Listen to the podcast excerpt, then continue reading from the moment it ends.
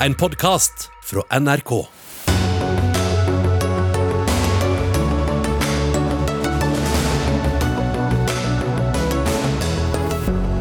Vaksinestrategien endres, men kommer det egentlig til å merkes? Regjeringen har nærmest informasjonsmonopol på vaksineforhandlingene, hevder Senterpartiets Marit Arnstad, og møter Helsedepartementet til debatt. Over 40 år etter Alexander Kielland-ulykken kommer Riksrevisjonen med alvorlig kritikk, men mener ikke det er grunnlag for noen ny granskning. Det skuffer og overrasker etterlatte og overlevende. Og Norges dominans i langrenn er et problem, og vi bør derfor kutte ut klassisk stil, mener NRKs kommentator Jan Petter Saltvedt. Folkeminnegransker Tor Godtås vil beholde den for tradisjonens og estetikkens skyld. Vel møtt til Dagsnytt 18, hvor vi også skal diskutere metoo i akademia. Jeg heter Sigrid Solund. Snart skal det handle om mulige nye smitteverntiltak og om vaksinestrategien, men før det til en nyhet som rystet mange i dag. For LO-leder Hans Christian Gabrielsen er død. Han ble 53 år gammel og døde antagelig av hjertesvikt hjemme hos seg selv i Asker. Siden 2017 har Gabrielsen ledet arbeidstakerorganisasjonen LO med nesten én million medlemmer. Arbeiderpartileder Jonas Gahr Støre, nyheten kom som et sjokk på deg. Har det sunket inn nå? Det er, veldig, det er uvirkelig, eh, og det er et, eh, en veldig sorgfull dag, rett og slett. Eh, jeg tror ikke vi tar helt inn over oss at Hans Christian, som var så nærværende ja, Siste dagene har jeg hatt mye med han å gjøre, og det har vært det samme humøret og engasjementet at han er borte. Ja, det var et sjokk, og det er en tung sorg som, som treffer veldig mange, og jeg kjenner veldig på det. Bauta er et ord som har gått igjen når andre også skulle beskrive ham i dag. Hvorfor er det et dekkende ord om ham, syns du? Ja, når du så Hans Christian, så slo jo den tanken deg. Han var en ruvende person, men jeg har kalt han en myk bauta, fordi han var en person som aldri måtte heve stemmen for å bli hørt. Han kunne snakke høyt, men han hadde en naturlig autoritet. Eh, og tror jeg oppsummerte for veldig mange det engasjementet en LO-leder har for arbeidsfolk. Og det sier en god del om at det han opptok seg med siste helgen, og som jeg jobbet mye med han på, det var hvordan vi kan sikre lønn, pensjon og rettigheter til de 600 Hydro-ansatte som får nye eiere i Karmøy og Holmestrand. Eh, det engasjerte Hans Christian, og du kunne se det på tillitsmannen. Eh, som lett identifiserer seg med folk som eh, blir rammet. og Sånn har det vært gjennom koronaåret også. Han var på sliternes parti hele tiden, i pensjonsspørsmål. Eh, og vi i Arbeiderpartiet har jo hatt han som partifelle, tillitsvalgt der også. men Alt det får vi sikkert snakket mye om, men det er på en måte medmennesket. Eh, Hans Christian Gabrielsen, den som var eh, raus og rund og, og, god og trygg, som vi i dag kjenner sorg for er borte. Statsminister Erna Solberg, du skulle vært her, men så kom du plutselig i karantene for du måtte ta en koronatest ettersom en av statssekretærene dine er blitt smittet med covid-19. Hva slags leder vil du si at arbeiderbevegelsen har mista i dag? Jeg mener man har mistet en tydelig talsmann for eh, fagbevegelsen sine interesser og verdier. En tydelig også samarbeidsperson. Eh, det siste året har jo det vært eh, veldig tett og mye samarbeid mellom eh, regjeringen og partene i arbeidslivet rundt de ulike støtteordningene, de ulike kompensasjonssystemene, hvordan vi skulle bekjempe covid-19. I tillegg så altså Han er jo en tydelig politisk motstander i noen saker og har en skarp replikk og et tydelig, et tydelig politisk engasjement. Men samtidig så er han, som Støre sier, også et, et raust menneske. En som du merker blir lyttet til fordi at han har Eh, tydelige, klare tanker og meninger, men som også du merker lytter til deg når du svarer ut saker. Så vi, det er et stort savn for alle. Selvfølgelig mest for familien og for de som har jobbet nærest med han, men et stort savn for, det norske samfunnet. Ja, hvor viktig har han vært for å finne løsninger under det veldig spesielle året som vi har bak oss? Eh, veldig viktig, særlig i begynnelsen når vi jobbet med kompensasjonsordningen knyttet til, eh, til næringsliv. Å finne måter å kompensere bedrifter på. Den har vært viktig i forhold til samarbeidet med regjeringen. Men så har den vært viktig også i eh, samarbeidet i Stortinget, med selvfølgelig innspill til alle partier i ønsket om å gjøre endringer. Og helt til slutt nå så har det jo vært et tett samarbeid mellom Finansdepartementet og både LO, NHO og Virke rundt den lønnstilskuddsordningen som vi fremmet på fredag, hvor finansministeren jo har tett samarbeid med med Gabrielsen om dette. Støre vervet som LO-leder er jo et av de aller viktigste i hele det norske samfunnet, men det er jo også et veldig viktig verv for dere i Arbeiderpartiet. Hvor viktig var han for, for partiet? Han sitter jo i vårt sentralstyre. Han skulle lede valgkomiteen til landsmøtet vårt om en måned. Og han var jo kommunestyrerepresentant, nestleder i Buskerud Arbeiderparti, hadde han bak seg, så han kjente jo partiet veldig godt. Og Det som eh, kjennetegnet han da, var jo at han var et helt politisk menneske. Eh, og I denne bevegelsen så er jo det faglige, altså det som er knyttet til arbeidsliv, og det politiske, det er jo to grener på samme tre. Og Jeg har vært veldig opptatt av det i samarbeidet med Hans Christian Gabrielsen, at eh, de landene hvor parti og fagbevegelse har gått hver til seg, så har begge tatt på det, og samfunnet har tatt på det. og Jeg tror han så det som et stor del av sitt samfunnsansvar å bidra til det. Men også i Arbeiderpartiet så er det i dag egentlig personen da, vi, vi, savner. Og jeg tror veldig mange er dypt preget av at det rause mennesket som var der, og jeg har jo selv erfart det i krevende år vi har bak oss, at en som var der støttende eh, og forsto eh, hva partiet trengte, eh, er borte. Og det er veldig tungt i dag. Nå skal både partiet, organisasjonen og ikke minst venner og familie få sørge, og så skal vi komme tilbake til dere to om en bitte liten stund. Takk skal dere ha i denne omgang.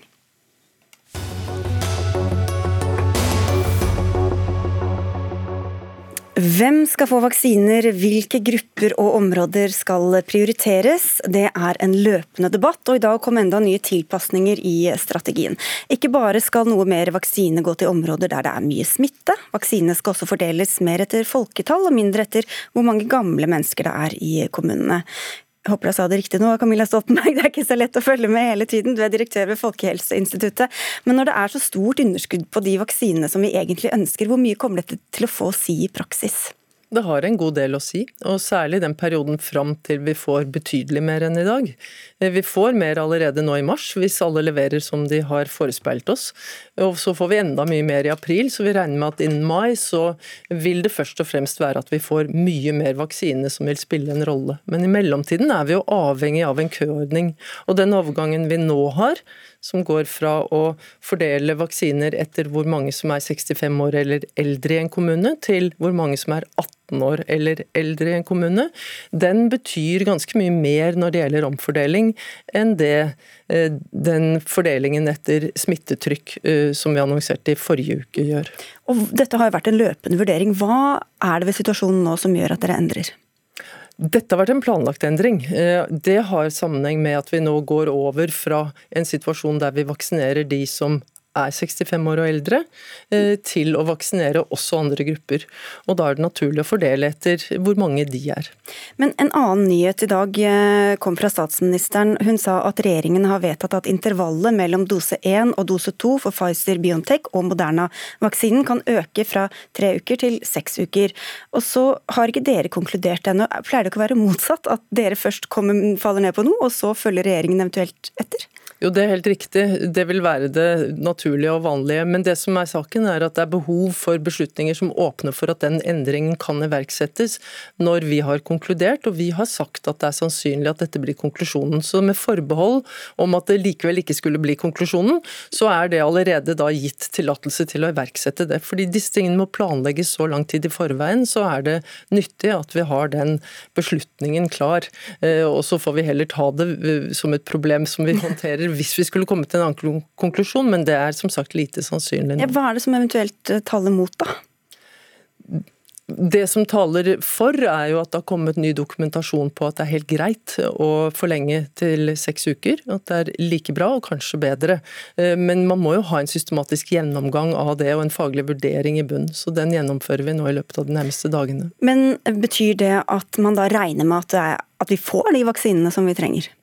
Ja, Det regner vi med, men vi sier jo hele tiden fra når det blir endringer. Vi regner også med at det vil være variasjoner framover, men sannsynligvis ikke så store eh, og noe mindre usikkerhet enn det vi har hatt hittil. Er det også et slags psykisk element her, at jo flere som er i gang med vaksineringen, desto mer holder vi ut og, og, og tåler?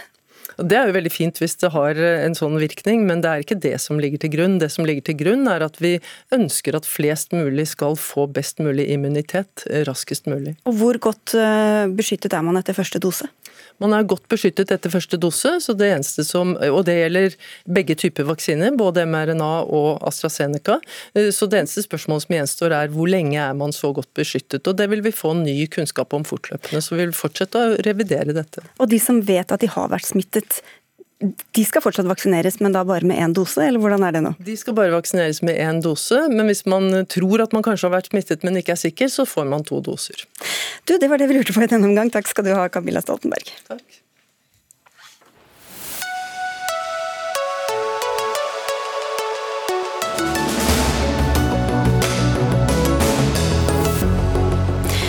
Det var jo da varslet og ventet at regjeringa skulle legge fram nye nasjonale tiltak i dag. I stedet kom statsministeren under dagens redegjørelse i Stortinget med en advarsel om hvilke tiltak som kan bli aktuelle dersom ikke smitten skulle synke raskt.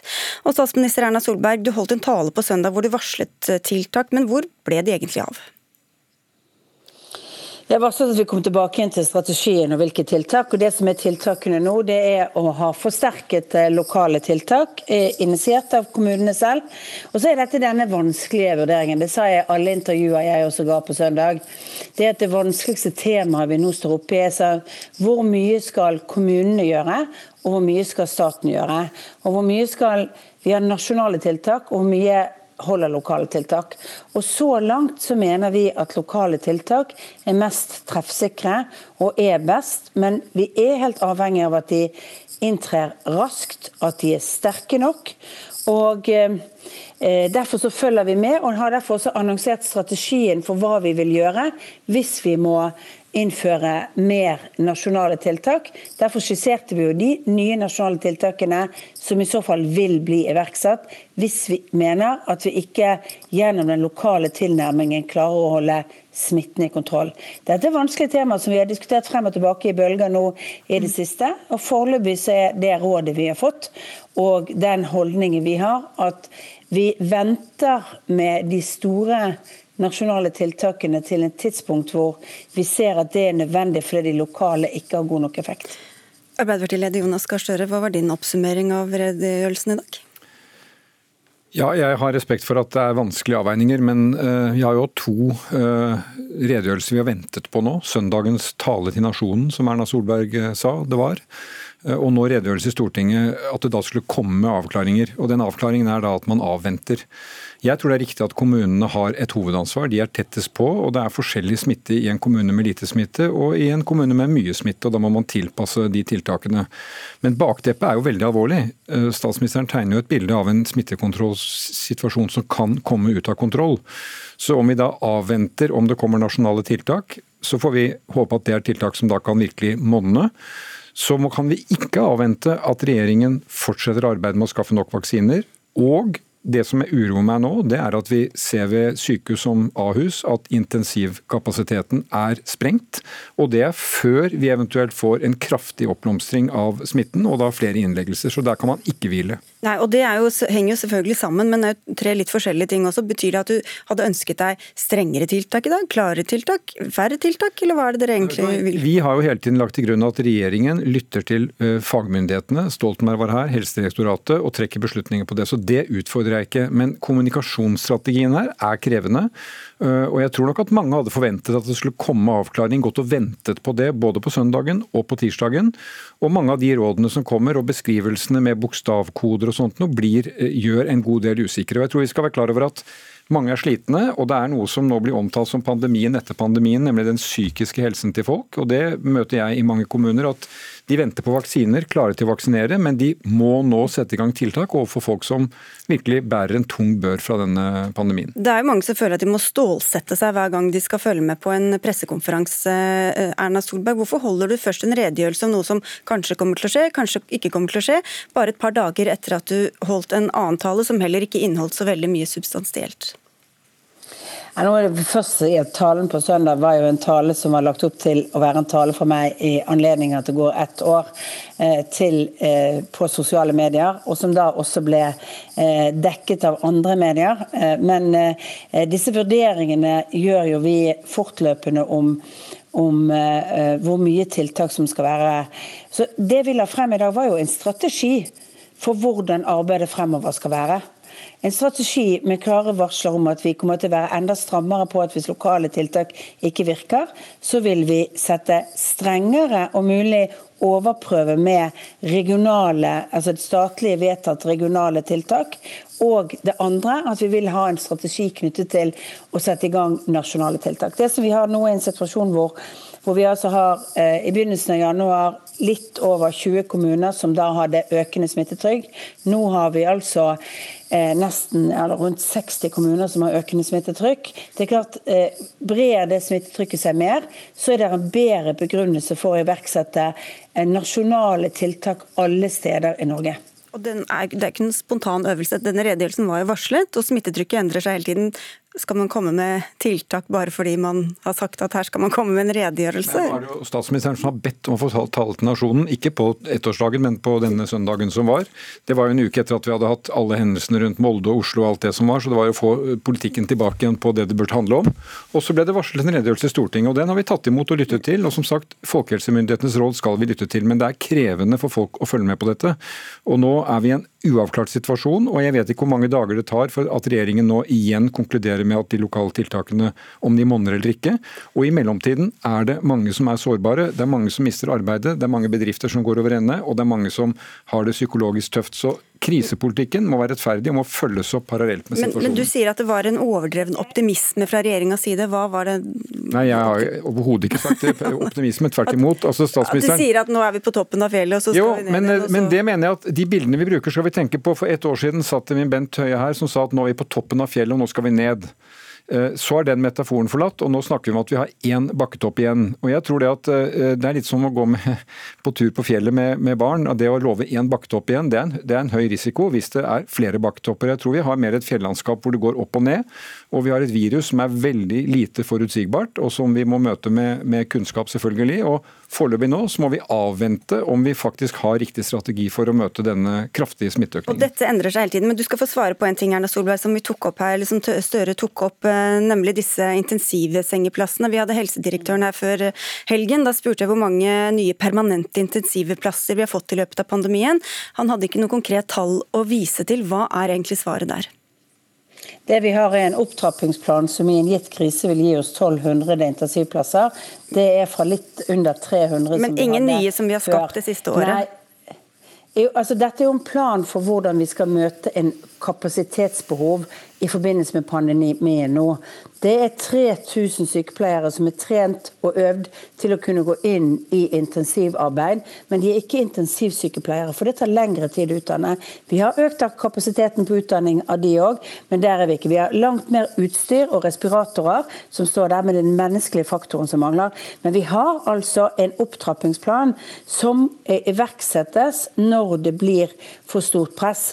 Men når Ahus først har fått økt press, så det viktigste de gjør, er å faktisk henvise noen av sine pasienter til andre sykehus som har ledig kapasitet i eget område. For den beste kapasiteten er de ordinære intensivplassene, som vi har flere av i Oslo-området. Men vi har altså bygget opp det som vi kan bygge opp knyttet til å håndtere pandemien på kort sikt. Nå kommer det en kommisjon i midten av april som skal evaluere beredskapen. Det var jo helt klart at vi hadde ut, vi hadde mangel på intensivkapasitet for et år siden. Og jeg mener det er gjort for lite. Ahus er det sykehuset som ligger tett på Oslo akuttsykehus. De er nå sprengt på kapasiteten. Og hvis det er slik at dette R-tallet holdes høyt, og Erna Solberg sa vi kan få en 50-ganger på smitte osv., da er vi i en kritisk situasjon med den intensivkapasiteten som det her er beskrevet. Og det prøver vi å unngå. Men du Erna Solberg, dere skal få slippe nå. Jeg skal takke dere av, men før du forsvinner, du, du har ikke bare fått uh, kritikk og dårlige nyheter i dag. Du fikk en veldig hyggelig telefon også, har jeg forstått? Ja, jeg har jo snakket med Kamala Harris i dag, som i og for seg var en høflighetstelefon fra den nye administrasjonen i USA, hvor eh, De bekreftet sitt gode forhold til Norge og sin interesse for å jobbe med mange av de tingene som Norge har jobbet intensivt med de siste årene. Bl.a. det å sørge for at vi får vaksiner til resten av verden, sånn at vi minimerer sjansen for at vi får nye alvorlige muterte virus, som igjen kommer til å gjøre at vi står litt dårligere rustet i alle land mot dette. Ok, Vi får håpe du får et negativt svar riktig raskt. Takk skal du ha, Erna Solberg, og takk til deg, Arbeiderpartileder Jonas Gahr Støre.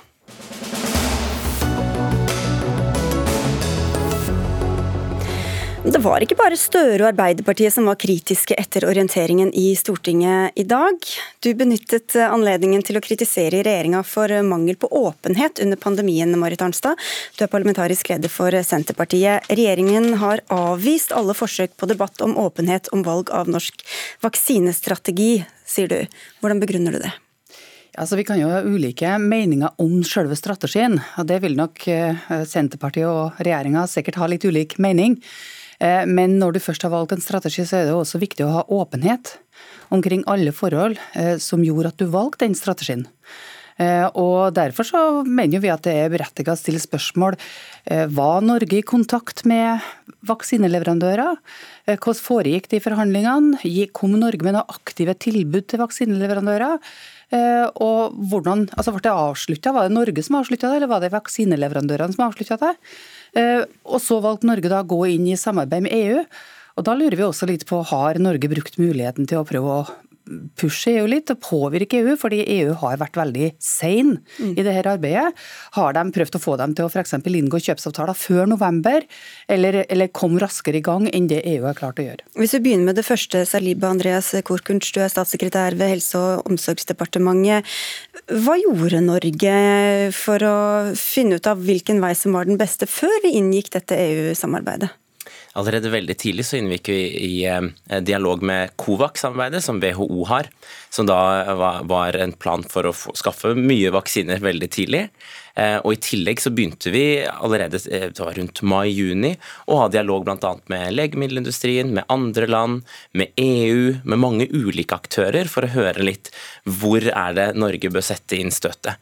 Og Det var en ganske unison enighet mellom alle de aktørene vi var i kontakt med, at EU-sporet, rett og slett å gå sammen med veldig mange andre land, det ville tjene Norge veldig godt. Og Hvor godt har det vært kommunisert utad, syns du?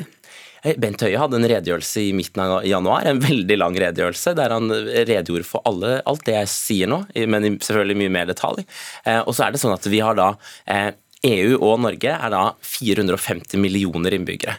Og Vi har nå inngått avtale via EU-samarbeidet med åtte ulike vaksineprodusenter. Vi har nok vaksiner til å kunne vaksinere alle voksne som vil det, tre ganger i Norge. Ikke ennå, da. Men... Ikke ennå, men vi har likevel satt over 600 000 vaksinedoser i Norge så langt. Ok, Arnstad, her fikk du hele ja, altså, bakgrunnen.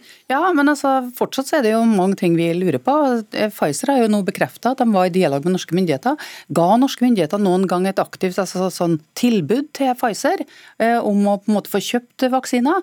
Eh, og når du har vært i dialog med Pfizer, var det Norge eller var det Pfizer som avslutta den dialogen? Det er jo den type spørsmål jeg veldig gjerne skulle hatt svar på. Det er godt at han sitter her, kan han svare med en gang. Altså, vi hadde mange uformelle samtaler med ulike aktører. Rett og slett for å sondere terrenget og vite, få vite litt hvor er det Norge bør som sagt sette inn støtet. Men det er klart at når vi har uformelle samtaler med ulike aktører, så kan vi ikke gå ut etterpå og fortelle i detalj hvem som så hva, eller hvem vi kontaktet osv. Det vil jo ødelegge tilliten til en, senere, eh, til en senere gang. Så her må vi jo være profesjonelle. Det der er jeg veldig uenig fordi at når det da ikke ble noen av de samtalene, så må det jo kunne være mulig, mulig å være fullt ut åpen omkring hvordan samtalene foregikk. Eh, om det var sånn at det var uformelle kontakter, eller om det er sånn at, eh, at en faktisk prøvde å få til en egen avtale med Pfizer. Eh, om en ga noen attraktive tilbud, og hvem det var som avslutta de samtalene. Når det ikke ble noe av de avtalene, så må det være mulig for regjeringa å være helt åpen om det. Fordi nå er vi i en pandemi der regjeringa nærmest har informasjonsmonopol. Og der resten av samfunnet og opposisjon ikke har mulighet til å kontrollere hva regjeringa har gjort eller ikke gjort. Og Da mener jeg at det krever det en helt ubetinga åpenhet og ærlighet fra regjeringa. Derfor så spør jeg, var de i forhandling med Pfizer? Ga de Pfizer et konkret tilbud? Og var det Norge eller Pfizer som avslutta den dialogen? Vi, er, vi, var i dialog med veldig mange ulike aktører, med uformelle samtaler, for å høre hvordan er det Norge kan stille seg best til å få veldig mange vaksinedoser, og så tidlig som mulig. Og Det var en så å si unison enighet mellom, fra disse aktørene om at Norge burde slå seg sammen med andre. Og Hvis vi ser på andre rike land som da eh, f.eks. gikk i et sololøp, slik som Australia og Japan, de begynte jo å vaksinere folk først i februar. De har vaksinert mange færre enn det Norge har. Så at det sololøpet som eh, Senterpartiet her ønsker at vi skulle gå inn på, det hadde ikke vært en, en god vei å gå for Norge. Er det, er det, veldig strategisk å gå ut og fortelle hva som blir sagt bak lukkede dører internt i prosesser, Marit Arnstad? Ja, jeg mener at det kreves det faktisk en absolutt åpenhet. Eh, fordi at Regjeringa har jo ikke bare gått inn i et samarbeid med EU, men de har jo også mm, rett og slett eh, glorifisert det samarbeidet. Det var jo ikke måte på i nyttårstalen til statsministeren hvor viktig det samarbeidet var, og hvor vanskelig det var å ikke være i det samarbeidet, og hvor takknemlig Norge skulle være. Men da får vi også være åpen, får også være åpen, da, helt åpen på hvilke type eh, alternativen har vurdert.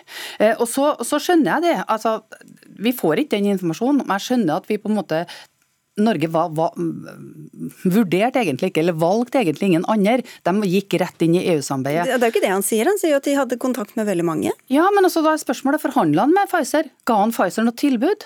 Altså Pfizer har jo sagt de var i kontakt med norske myndigheter. Altså Var det de eller Pfizer som avslutta den samtalen med, eh, med, den samtalen med Pfizer? Det skal jeg gjerne ha visst. Altså, eh, jeg tror for fremtiden, hvis det kommer en ny pandemi, forhåpentligvis om veldig lenge, hvis vi nå skulle gått ut og fortalt ting fra uformelle samtaler eh, og brutt den tilliten vi har med en rekke ulike aktører, så ville jo ikke det vært positivt for Norges omdømme. Så Norge Men, ga ikke noe aktivt tilbud til Pfizer? EU-samarbeidet er faktisk veldig veldig godt. Som sagt, Vi får tilgang i Norge til tre ganger flere vaksiner. Men Man kan, man kan få litt inntrykk også av at Norge er redde for å, mm, for å, støte EU gjennom at vi også går gjennom andre kanaler, at vi tar kontakt med andre land f.eks. direkte. Er det sånn? Altså, Marit Arnstad, du har vel tatt til orde for at vi skal gå for den russiske Sputnik-vaksinen, som ikke engang er godkjent i Men er det Sånn? Er det sånn at Norge er litt redd, redd for å fornærme EU ved at vi f.eks. kontakter Israel da, eller Russland? Jeg mener at eh, EU har vist en enorm solidaritet med Norge. fordi nå er det faktisk sånn at alle EU-landene har avgitt doser mm. for at Norge skulle få det. Men er det også da av solidaritet hvis, overfor EU at absolutt, vi på en måte bare holder vi, oss til det? Hvis vi da skulle gått ut og prøvd å, å, raske til oss doser, som for øvrig ikke finnes, det er ikke sånn at det er et ferdig lager med masse doser, bak EU sin rygg, så er jo det svært usolidarisk når de faktisk har tatt oss inn i et samarbeid som gjør at vi til sommeren eller innen sommeren kan ha vaksinert alle i den voksne befolkningen. Altså Her tror jeg regjeringa rett, og slett har lagt seg på en retorikk og en demagogi som de ikke vil fravike. Eh, jeg har aldri tatt til orde for russiske vaksiner uten godkjenning. Jeg har sagt at Norge bør ta initiativ til å få den russiske vaksinen godkjent. Da gjorde Blind Høie blånarr av meg i Dagsnytt 18. Tre dager etterpå så starta EMA en godkjenningsprosess av den russiske vaksinen. Eh, nå får vi beskjed om at statsministeren har fått brev fra Israel om å kunne gå inn i en diskusjon med Israel om et samarbeid, eh, men det blir da benekta fra myndighet, norske myndigheter at det i hele tatt har vært et alternativ. Men da må en jo også spørre hva har Norge gjort overfor EU for å prøve å få EU til å være raskere i svingene enn det de var. Vi vet alle at EU inngikk kjøpsavtale seks måneder etter Storbritannia og USA. De var seint ut, og de var lite villige til å gå inn i nye utviklingsavtaler. Hva gjorde Norge for å prøve å påvirke EU i den sammenhengen?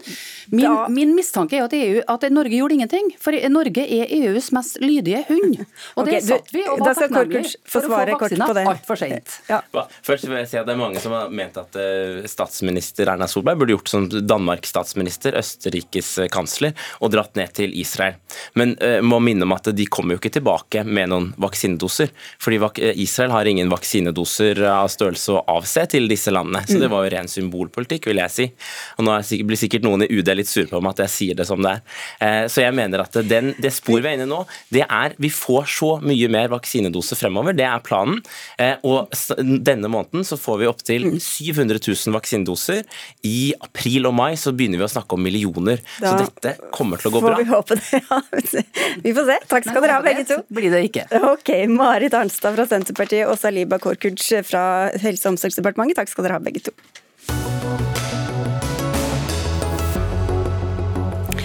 27.3.1980 skjedde det som ikke skulle hende, og som ingen trodde kunne skje. Boligplattformen Alexander Kielland på ekofiskefeltet kantret. Etter 20 minutter gikk plattformen rundt. Av de 212 menneskene om bord døde 123. Til tross for den største redningsaksjonen i Nordsjøen noensinne. I dag kom Riksrevisjonen med en rapport som bl.a. konkluderer med at de etterlatte og overlevende ble sviktet etter ulykken, men de mener ikke det er grunnlag for å granske ulykken på nytt. Vi skal få inn riksrevisoren snart, men først Marie Smith Solbakken, du er professor ved Universitetet i Stavanger og har forsket på Kielland-ulykken i mange år. Og For mange av våre lyttere og seere er denne ulykken sikkert noe de ikke kommer til å glemme, men så er det andre som ikke kjenner så godt til den. Kan du gi en kort beskrivelse av hva som skjedde den kvelden? Ja, det er slutt av mars 1980. Ganske stygt vær i Nordsjøen, høye bølger. I løpet av 20 minutter så velter Alexander Kielland. Det er en eh, i den nederste delen av plattformen som knekker, og plattformen får ta en vann og gå over ende. Og 123 mann dør den kvelden, og 89 overlever. Og I dag er jo sikkerhet ekstremt viktig for hele denne sektoren, men sånn var det ikke den gangen. Nei. Det var svikt i sikkerhet, det var svikt i beredskap, det var svikt i redningsutstyr, det var svikt i opplæring. Og Det har jo vært granskningskommisjoner. En ble satt ned veldig kort tid etter, etter, ulykken. Det har vært rapporter i Norge, i andre land tidligere. Hva har de konkludert med når det kom til årsaken til selve ulykken? Årsaken til selve ulykken var at eh, det utvikla seg et trøtthetsbrudd i et støttestag mellom to plattformbein. Det knark, og den ene foten ble revet av og plattformen la seg over på siden, tok en vann, og det gikk veldig fort fordi at dører og luker sto åpne. Så i løpet av 20 minutter så var plattformen gått helt rundt. Men hvis alle er enige om at det var årsaken, hvorfor har ikke da f.eks. de etterlatte slått seg til ro med det? Eh, det var så lukka prosess i mange år. Og en fikk ikke egentlig uttømt alle andre medvirkende årsaker som kanskje gjorde at dette trøtthetsbruddet eh, utvikla seg fortere enn det hadde gjort. En fikk heller ikke utreda skikkelig eksplosjonsteorien. Det står jo i granskingsrapporten, Riksrevisjonen sin rapport, fordi at en hadde ikke bevismateriale, hadde ikke gjenstander nok til å gå inn på det. En eh, har heller ikke kunnet fullført den forhalingsteorien fordi at en ikke vet nok om når plattformen ble forhalt. Eh, men det er jo helt e, altså det er enighet om dette trøtthetsbruddet. Men allikevel så opplevde jo mange av de både redningspersonellet og de som overlevde, at de aldri ble hørt. At det de hadde opplevd, og det de mente var viktig, og det de mente kunne òg ha medvirket til årsaken, ikke ble tatt på alvor. Og I 2019 så ba altså Stortinget Riksrevisjonen om å foreta en ny gjennomgang. Hva var grunnen til at det skjedde da 40 år etter ulykken? Det var jo òg et press ifra, et vedvarende press fra eh, de overlevende og de etterlatte. Og nettopp det at ansvar aldri ble plassert. Og det har jeg jo merka meg i, i, denne rapporten, at Riksrevisjonen kom med sterk kritikk til myndighetene for at en aldri klarte oss å For ikke fikk klarlagt ansvarsforholdet, eh, hva operatør og hva Altså operatøren Philips og hva riggselskapet Stavanger Drilling, hva ansvar de hadde i forbindelse med ulykken. Vi skal få inn eh, riksrevisoren, så må vi takke av deg, fordi vi får bare lov å ha to gjester eh, av gangen. Eh, tusen takk skal du ha, Marie Smith Solbakken. Dette er altså en sak som har preget samfunnet i mange tiår et veldig omfattende sakskompleks som strekker seg langt tilbake i tid. Så noe litt annerledes enn sakene dere vanligvis jobber med, Per Christian Foss, du er riksrevisor. Men av, en av hovedkonklusjonene deres er altså, som det ble nevnt her, at de etterlatte, de overlevende, de ble sviktet. Hva var det som gikk galt i etterkant? Ja, nær sagt alt gikk galt. I den forstand at oppfølgingen av de eh, etterlatte var sterkt kritikkverdig. Vi har karakterisert det som alvorlig brudd. Eh, det er det nest sterkeste ord vi bruker i kritikken. De etterlatte ble dårlig behandlet, og de overlevende også dårlig behandlet. Vi ville ikke gjort tenkt oss noe slikt i dag. Og jeg må si, når jeg, når jeg leser meg inn i, i, historien, så blir du skamfull over at det var mulig å gjøre noe sånt eh, i en så stor og alvorlig ulykke. Og det var, vi har, vi har jo sett på at kunnskapen om krisepsykiatri var til stede den gangen også.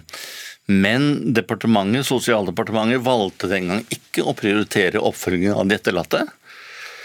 Det er det ene vi kritiserer, og det andre vi kritiserer er jo at um, sikkerhetsreglene um, både for materiell og personer i 1980, da ulykken skjedde, var mangelfull. Det til tross for at myndighetene visste hva som ble manglet og hvor det var svakheter, men gjorde ikke noe med dem. Siden er det utbedret kraftig utbedret. Men uh, dette var altså i 1980. Odd Christian Remme, du eh, leder Kielland-nettverket som organiserer etterlatte og overlevende. Du mista broren din i ulykken. Nå har dere det svart på hvitt fra Riksrevisjonen at dere ble sviktet. Hvor, hvor viktig er det en sånn konklusjon? Eh, veldig viktig, og jeg syns det er veldig flott at Riksrevisjonen på denne måten retter opp en alvorlig samfunnsfeil den gangen når det gjaldt behandlingen av etterlatte overlevende.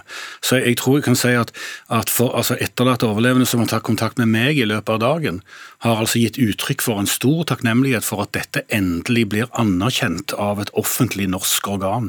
Eh, så det er veldig viktig. Eh, I tillegg så er det veldig viktig for oss at eh, Riksrevisjonen er sterkt kritisk til en lang rekke andre forhold. Eh, Bl.a.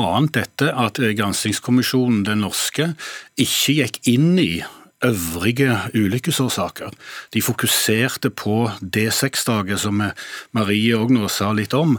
Det er ingen uenighet blant noen, så vidt jeg vet, Eh, om at D6-dager var en av de helt sentrale årsakene til ulykka.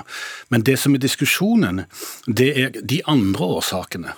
Det var mange andre faktorer som spilte inn og førte til denne ulykka. Eh, og de, har, de feide kommisjonen under teppet. Eh, og jeg tenker Riksrevisjonen påpeker disse tingene, og så trekker de feil konklusjon, til vår overraskelse. De anbefaler at det ikke blir gjennomført en ny gransking. Det kan ikke etterlatte overlevende forstå. Så, ja. Ja, for det, det, er jo en av eh, konklusjonene deres også, at dere ikke mener det er grunnlag for en ny granskning. Hva ligger til grunn for det, Foss? Til grunn for det ligger at vi har foretatt en uavhengig vurdering av alt materialet som er produsert siden 1980, deriblant eh, den offentlige granskingskommisjonen. Vi mener arbeidet i kommisjonen var svært grundig.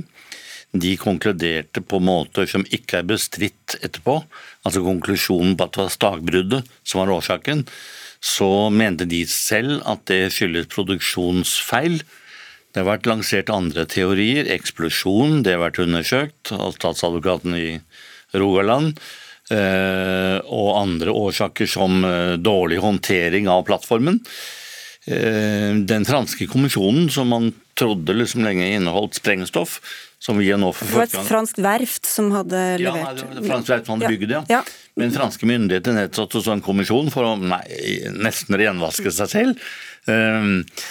Eh, og den holdt med den norske kommisjonen, men sa at det finnes også andre muligheter. Eh, kollisjon, eh, gal bruk av kjettinger, for å være konkret. Men de gikk heller ikke dypt ned i dette. Og klart at I ettertid så vil det å gå dypt ned i slike forhold over 40 år tilbake være vanskelig, for ikke å si umulig. Så vi mener at eh, selv om man peker på noen svakheter i kommisjonsarbeidet den gangen, bl.a. på øh, var kommisjonen veldig lite åpen.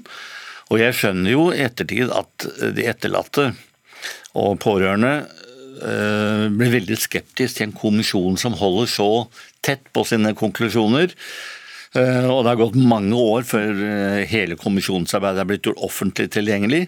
Så jeg skjønner aggresjonen som da ligger hos eh, Kielland-nettverket. Men vi har ikke, ikke, kunnet anbefale noen ny utredning etter vårt skjønn. Men avgjørelsen ligger jo nå i Stortinget. Mm.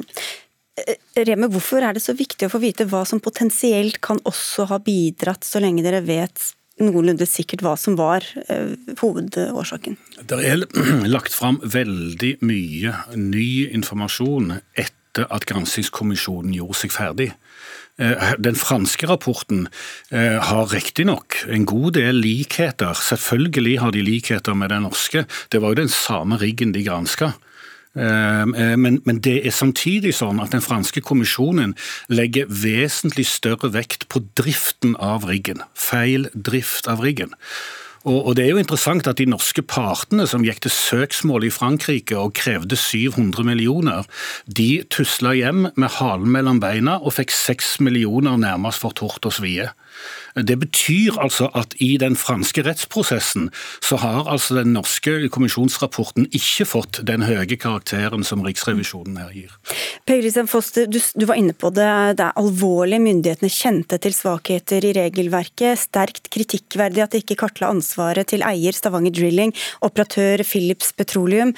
Kritiserer også det norske Veritas, eller at de fikk en dobbeltrolle både i å drifte sikkerheten og så siden kartlegge den. Men får det noen konsekvenser for noen? Noen der? Vil det ha fått konsekvenser. For siden den gang er sikkerhetskulturen en helt annen. Som professoren i innslaget før oss sa, den gangen var sikkerhetskulturen på, på sokkelen svak i Norge. Det, det har skjedd store endringer i regelverket siden den gang. Og eh, vi kan vel si at uh, ulykken hadde ikke skjedd i dag med det, det omfang den fikk. Mm hvis reglene av i dag hadde vært til stede. Så det har virkelig fått virkninger. Men vi har også sett gjennom kommisjonen, det har vært litt kritikk mot medlemmene der osv. Etter vår vurdering hadde medlemmene fra den gangen eh, betydelig kompetanse som dekket alle områder. Vi er nødt til å avslutte. Takk skal du ha, riksrevisor Per Kristian Foss. Jeg vet dere nå setter deres lit til Stortinget, Reme. Og så skal jeg bare si at vi har også kontaktet Konoko Philips, som da hadde operatøransvaret. De ønsket ikke å være med i Dagsnytt 18.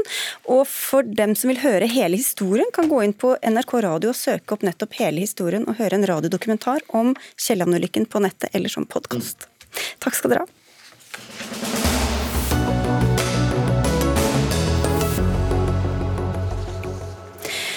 Ett og et halvt år etter at kravet ble stilt, kom svaret nå. Det trengs ingen metoo-nemnd i akademia. Litt bakgrunn først. For ett og et halvt år siden kom den første nasjonale kartleggingen av mobbing og trakassering i universitets- og høyskolesektoren. Rapporten viste flere tilfeller av seksuell trakassering i akademia. 18 ansatte rapporterte om voldtekt. Tove Li, du er redaktør i kunnskapsavisen Krono, og har lenge tatt til orde for å etablere en metoo-nemnd felles for alle høyskoler og universiteter. Hvordan skulle den fungere? Ja, jeg hadde jo sett for meg at det er eh, bra å kunne være en positiv ting å ha en sentral, eh, offisiell sentralt sted hvor alle kunne henvende seg, og alle visste veldig klart og tydelig hvor, da, hvor de skulle melde inn og varsle inn. Og at det ikke nødvendigvis var folk der som uh, satt tett på de enkelte på, Altså de som var anklaget, da, for mm. å si det sånn. At det var lettere å være, få litt uhilda behandling, da. Mm. Det var tanken bak. I dag kom svaret fra regjeringa. Henrik Asheim, forsknings- og høyere utdanningsminister. Du tok lang betenkningstid, kan vi vel si, men det landet altså på nei etter halvannet år. Ja, nei, altså Det som eh, er bakgrunnen for det, er jo egentlig bare at dette har ikke vært etterspurt av så mange andre enn eh, Tove Li Krono. Og et eh, prisverdig forslag. Det er ikke sånn at jeg vil motsette meg det hvis institusjonene f.eks. ønsker å gå sammen om å opprette en slik nemnd, eller for den saks skyld ber Kunnskapsdepartementet om å gjøre det. Men dette var jo noe som Universitets- og høyskolerådet diskuterte den gangen det ble foreslått. Vi har jo jevnlig dialog dialog med dem og med ansatte i sektoren osv. Det har ikke vært det som har vært etterlyst. Det betyr jo ikke at ikke seksuell trakassering i denne sektoren, som i mange andre sektorer, er et stort problem. Men om denne nemnden som da skal samles i Kunnskapsdepartementet, som er et helt annet sted enn der hvor det egentlig skal løses, det er jeg veldig usikker på. Ja, det, det, vet jeg ikke om jeg hadde tenkt at den, kunne, at den trengte å være i Kunnskapsdepartementet. Det jeg kanskje kunne ha tenkt å utfordre deg til nå i dag, var jo at og jeg ser det der med autonomi, og at universitetene og høyskolene selv skal love å bestemme sjøl hva de skal gjøre og hva de skal opprette og ikke. Men som ansvarlig statsråd for alle landets universiteter og høyskoler, og vi vet at det ikke bare er trakassering, men det har vært overgrep, kanskje mer enn 50 overgrep faktisk, med voldtekter og sånn, så kunne man godt ha dratt litt komme med noen styringssignaler og noen ønsker, f.eks. For, for det er jo Kunnskapsdepartementet ganske flink til innimellom. Ja, ja. Det ligge stikk eh, med på Ja. ja. Nei, bare for å si det også. Dette er ikke noe jeg er mot fordi jeg er for autonomi. Det er ikke sånn at du har autonomi til å tillate at det foregår uholdbare ting på din institusjon. Men spørsmålet er bare om dette er det riktige verktøyet å løse det med. Fordi når de det angår, og det gjelder jo både studenter og ansatte i denne sektoren, ikke først og fremst etterlyser dette, så mener jeg bare at det blir litt sånn blindspor å først og fremst skulle gå på denne nemnden istedenfor å se på andre tiltak.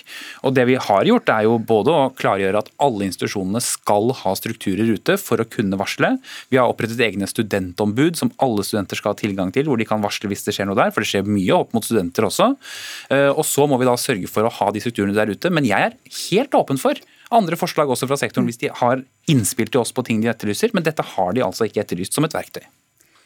Nei, men det er der jeg tror at du må hjelpe til litt. Fordi at jeg er slett ikke sikker på hvor mange på universitetene og høyskolene som faktisk vet helt hva de skal gjøre og hvordan de kan gjøre. hva Altså Dette er veldig vanskelige saker å håndtere, vanskelige saker å ta i. Det beste er jo at man ikke får så mange. Og det så man jo der av de, alle som varsla om overgrep i denne kartlegginga som ble gjort ja, i 2019, og det er altså to år etter metoo, de, ingen av de hadde anmeldt til politiet, f.eks.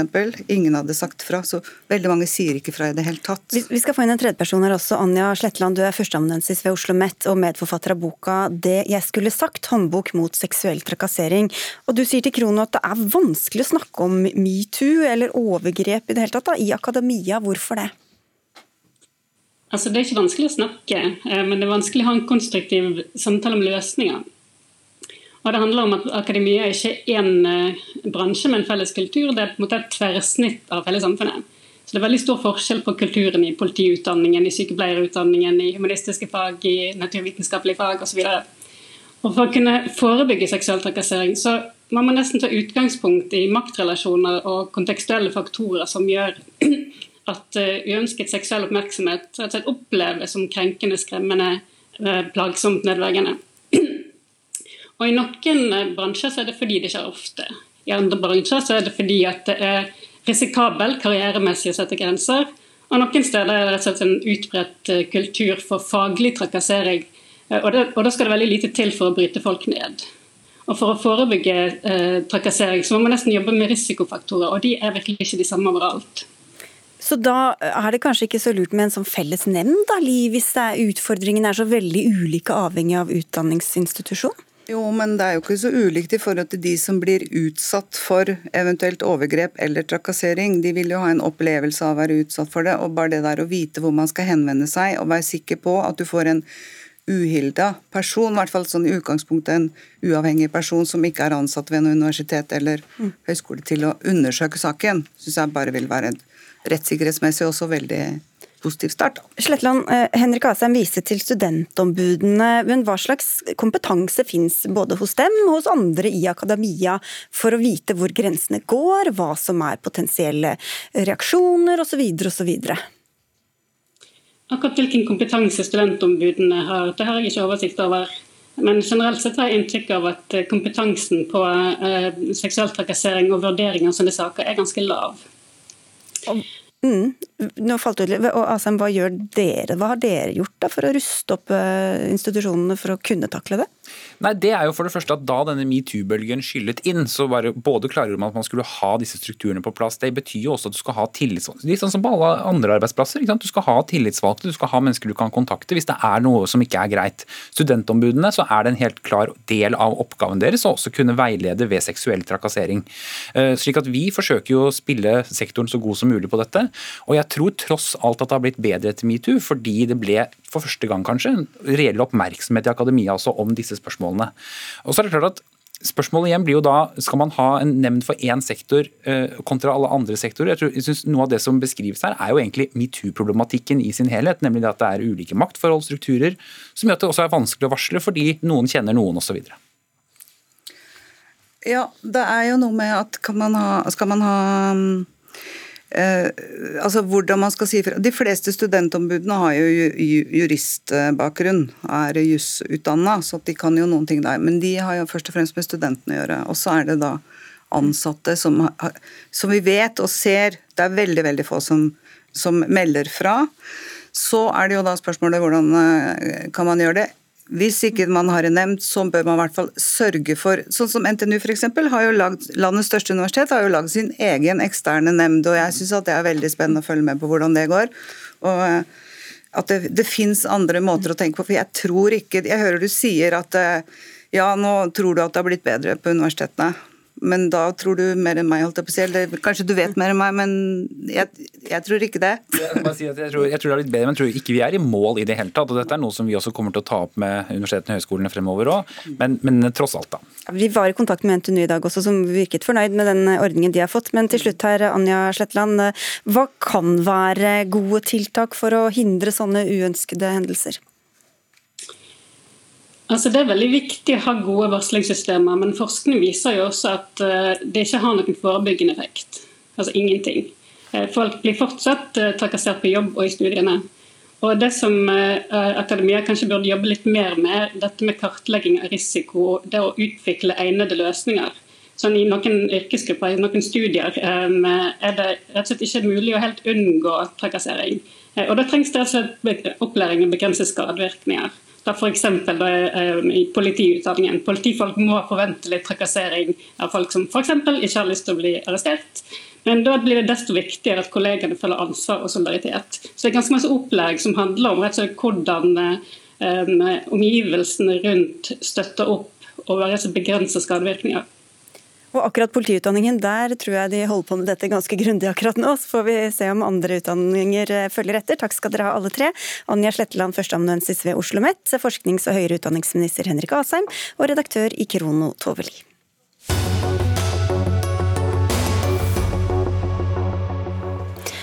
Vi vinner aldeles for mye. Etter VM på ski så troner Norge atter på toppen av medaljestatistikken. Hele 31 medaljer stakk Norge av med denne gangen. Ned neste på lista fikk bare sju. Det skaper ikke bare begeistring. For å minske den norske dominansen foreslår du nå å kutte langrennskonkurransen i klassisk stil. Jan Petter Saltvedt, du er sportskommentator her i NRK. Hva hjelper det? Ja, nei, Det er jo ganske delte meninger om det skulle hjelpe.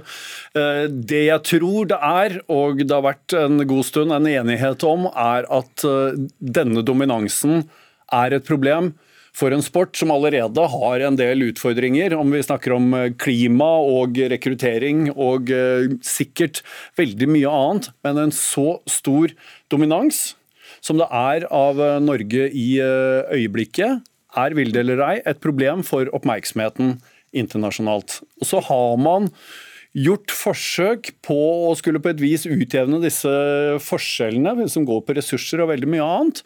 Men eh, det mest logiske grepet, etter min mening, er å kutte den stilarten som var den opprinnelige, som har blitt uh, utviklet videre, sånn at man ikke trenger å fordele de begrensede ressursene på to forskjellige måter å konkurrere på.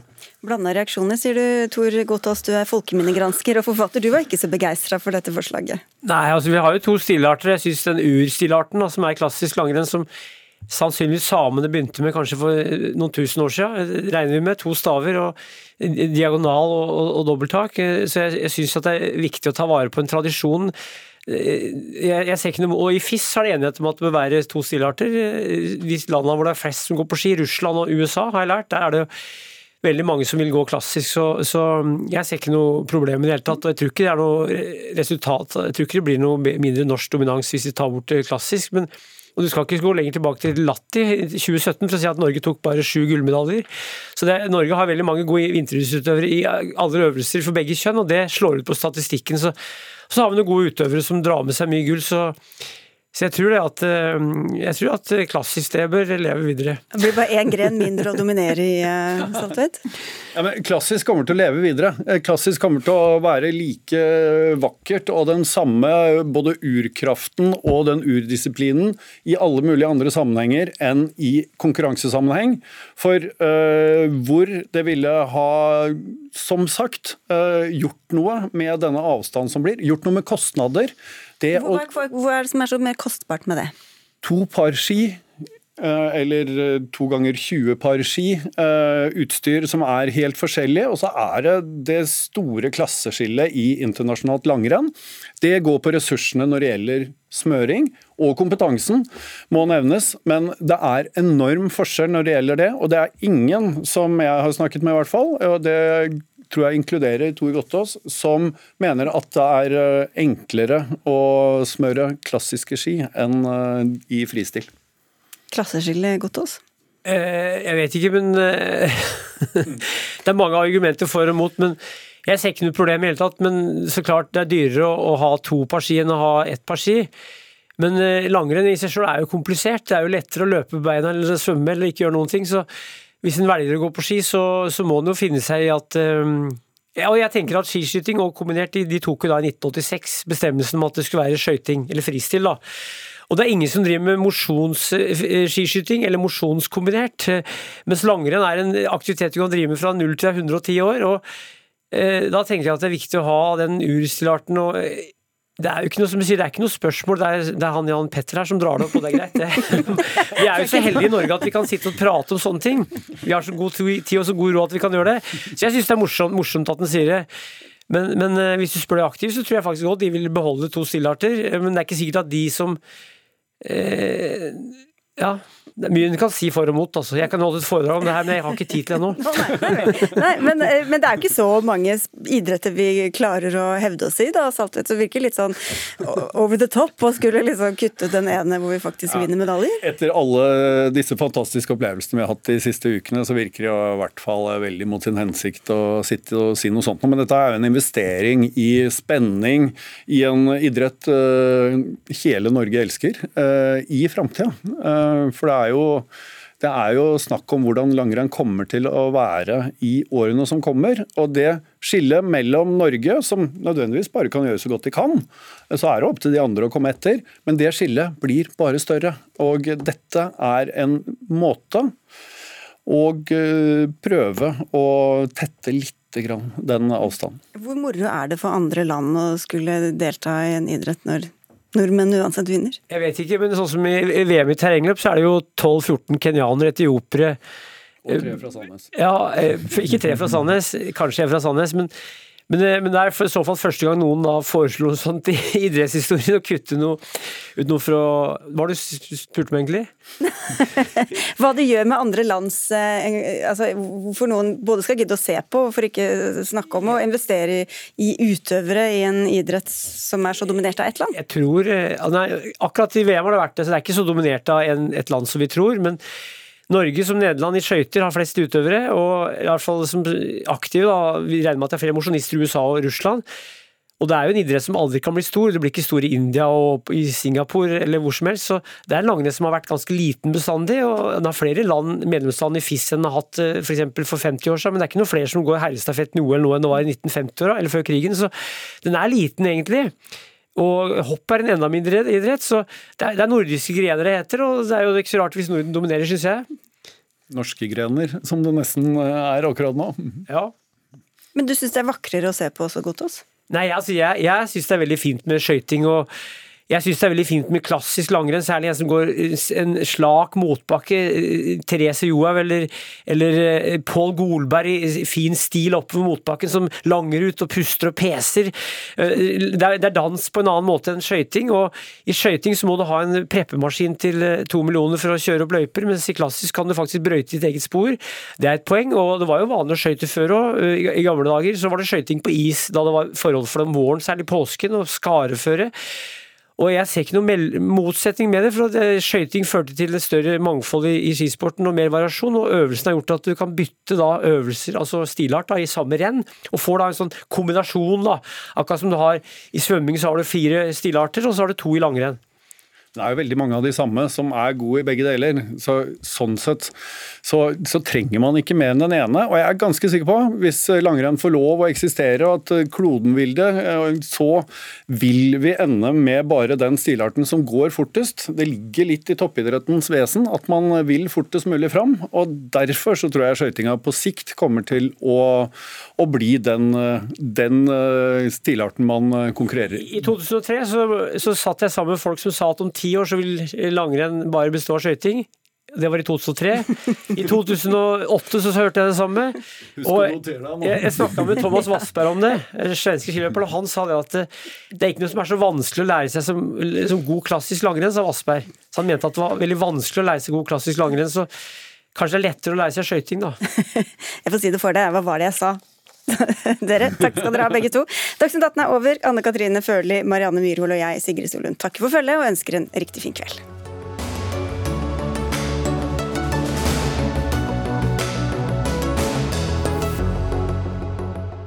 Du har hørt en podkast fra NRK. Hør flere podkaster og din favorittkanal i appen NRK Radio.